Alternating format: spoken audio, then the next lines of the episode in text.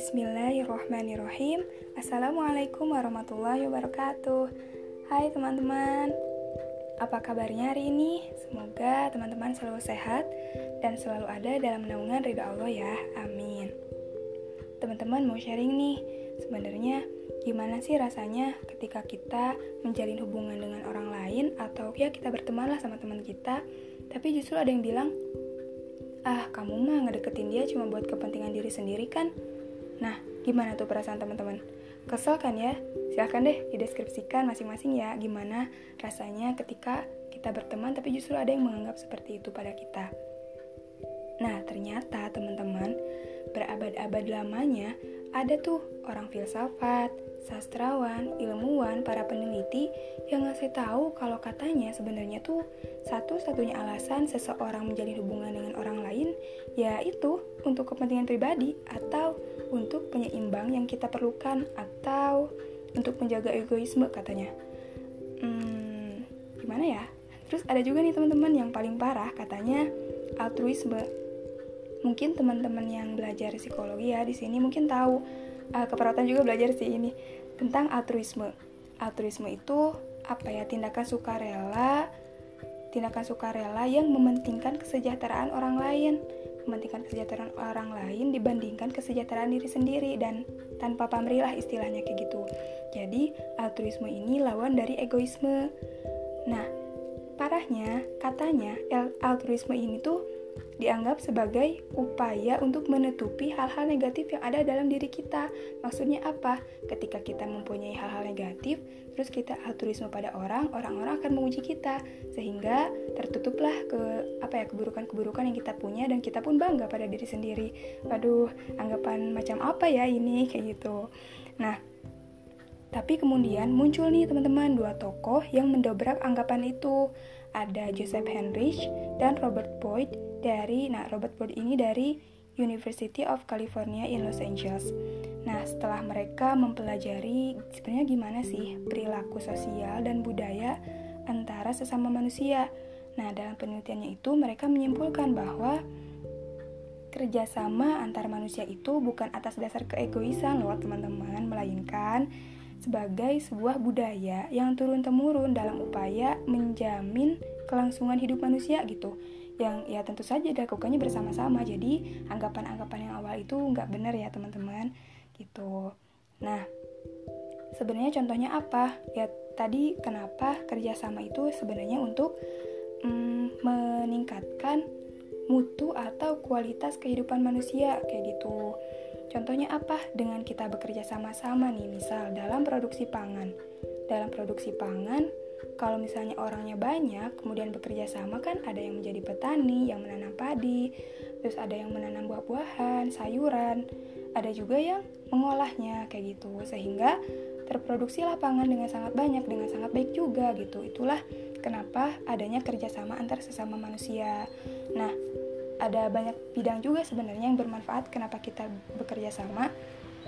Ada tadi ya produksi pangan terus dalam bidang kesehatan juga dalam bidang ilmu pengetahuan kayak gitu nah terus teman-teman ada catatan nih dari penelitian Heinrich dan Boyd ini katanya uh, ketika seseorang dapat memaknai kehidupannya itu akan meningkatkan kemampuan dia untuk memaknai hubungan sehingga kemudian nanti akan terciptalah kerjasama yang kuat, yang kokoh, yang baik gitu.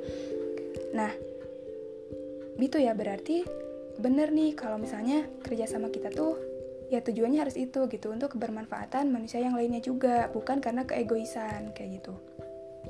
Nah teman-teman ini ada kisah nyata nih dua orang. Dua orang ini secara penampilan tuh sangat bertolak belakang. Yang satunya itu ganteng elegan santun mengundang kekaguman. Pokoknya banyak deh orang yang kagum sama orang ini kayak gitu. Yang kedua yang kedua ini orangnya buta dan sering kali dipandang sebelah mata oleh masyarakat sekitar. Nah, dua orang ini bekerja dalam satu tim teman-teman. Dan percaya atau tidak, ternyata pekerjaannya itu berjalan dengan lancar. Iya, berjalan dengan lancar dan mungkin dari teman-teman ada yang udah bisa nebak belum?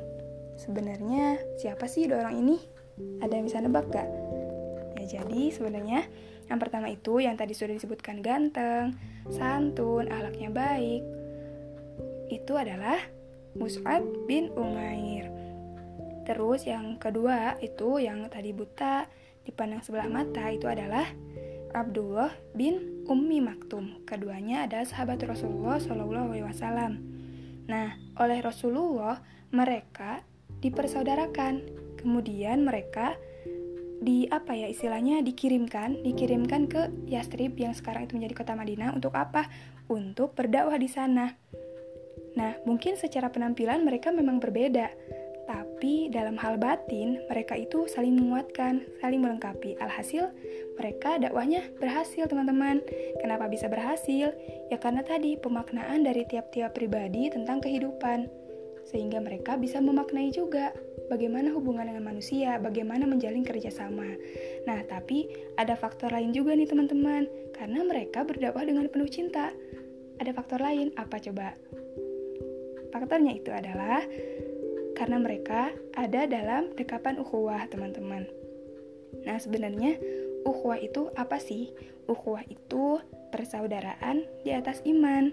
Karena Allah berfirman nih dalam Quran surat Al-Hujurat ayat 10. A'udzu billahi. Innamal mu'minuna ikhwah. Sesungguhnya orang-orang mukmin itu bersaudara. Nah, Allah menggunakan kata ikhwah di sini, bukan ikhwan. Ikhwah itu lebih kuat dari ikhwan. Ikhwan, ikhwan ya. Ikhwan itu artinya maknanya itu sama seperti persaudaraan tapi lebih ke persahabatan. Sedangkan ikhwah, ikhwah itu persaudaraan senasab. Nah, jadi orang-orang mumin itu sebenarnya bersaudara dan dianggap senasab. Kenapa? Karena di dalam rahim yang sama yaitu rahim iman gitu, teman-teman. Nah, ukhuwah ini perlu ditekankan bahwa ukhuwah ini hanya berlaku untuk orang-orang mukmin gitu, orang-orang yang beriman karena selain mukmin juga pasti akan memaknai kehidupannya yang tadi sudah ya sesuai dengan penelitian Heinrich dan Boyd. Dengan itu kita dapat memaknai hubungan dengan manusia juga, mening, e, menjalin kerjasama yang kuat juga. Tapi teman-teman khusus ya, khusus orang mukmin itu tuh ada faktor lain. Ada faktor lain, kekuatan, ada kekuatan yang lebih besar, kekuatan yang jauh lebih tinggi dan lebih mulia yang menyatukan hati-hati orang mukmin. Apa ada yang tahu? Jadi di dalam Quran surat Al-Anfal ayat 63 Allah berfirman, Dia Allah yang mempersatukan hati mereka orang-orang beriman Walaupun kamu menginfakkan kekayaan yang berada di bumi, niscaya kamu tidak dapat mempersatukan hati mereka. Tetapi Allah lah yang telah mempersatukan hati-hati mereka. Sungguh Dia Maha Perkasa, Maha Bijaksana. Gitu teman-teman. Jadi di sini Allah yang sudah mempersatukan hati-hati orang-orang mukmin. Gitu. Jadi sudah kuat lah. Jadi nggak nggak nggak aneh ya ketika Rasulullah SAW dan para sahabatnya dulu begitu kuat ikatannya, semangat dalam dakwahnya, saling melengkapi, saling mendukung satu sama lain karena apa? Karena hati-hati mereka yang sudah Allah persatukan. Gitu ya, Masya Allah.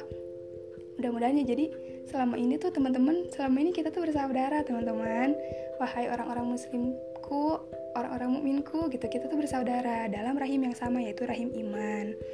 Itu Nah, mudah-mudahan dengan ini setelah kita mengetahui konsep ukhuwah meskipun mungkin masih dasar ya, karena ya karena hanya itu yang uh, saya tahu ketika kita sudah mengetahui konsep ukhuwah itu seperti apa, setelah kita mengetahui bahwa sebenarnya ketika kita mengakui Allah sebagai Tuhan kita, kita mengaplikasikannya dalam lisan kita, hati kita, perbuatan kita, harapannya Allah dapat mempersatukan hati-hati kita sehingga timbullah rasa cinta dan rasa kasih sayang antar sesama kita, sesama orang-orang muslim, sesama orang-orang mukmin, sehingga kita dapat menebarkan kebermanfaatan di dunia ini. Kita dapat memberikan kebaikan di dunia ini. Seperti itu. Amin ya, teman-teman. Nah, mungkin segitu saja untuk sharing-sharing kali ini. Wallahu a'lam bishawab. Mohon maaf atas segala kesalahan.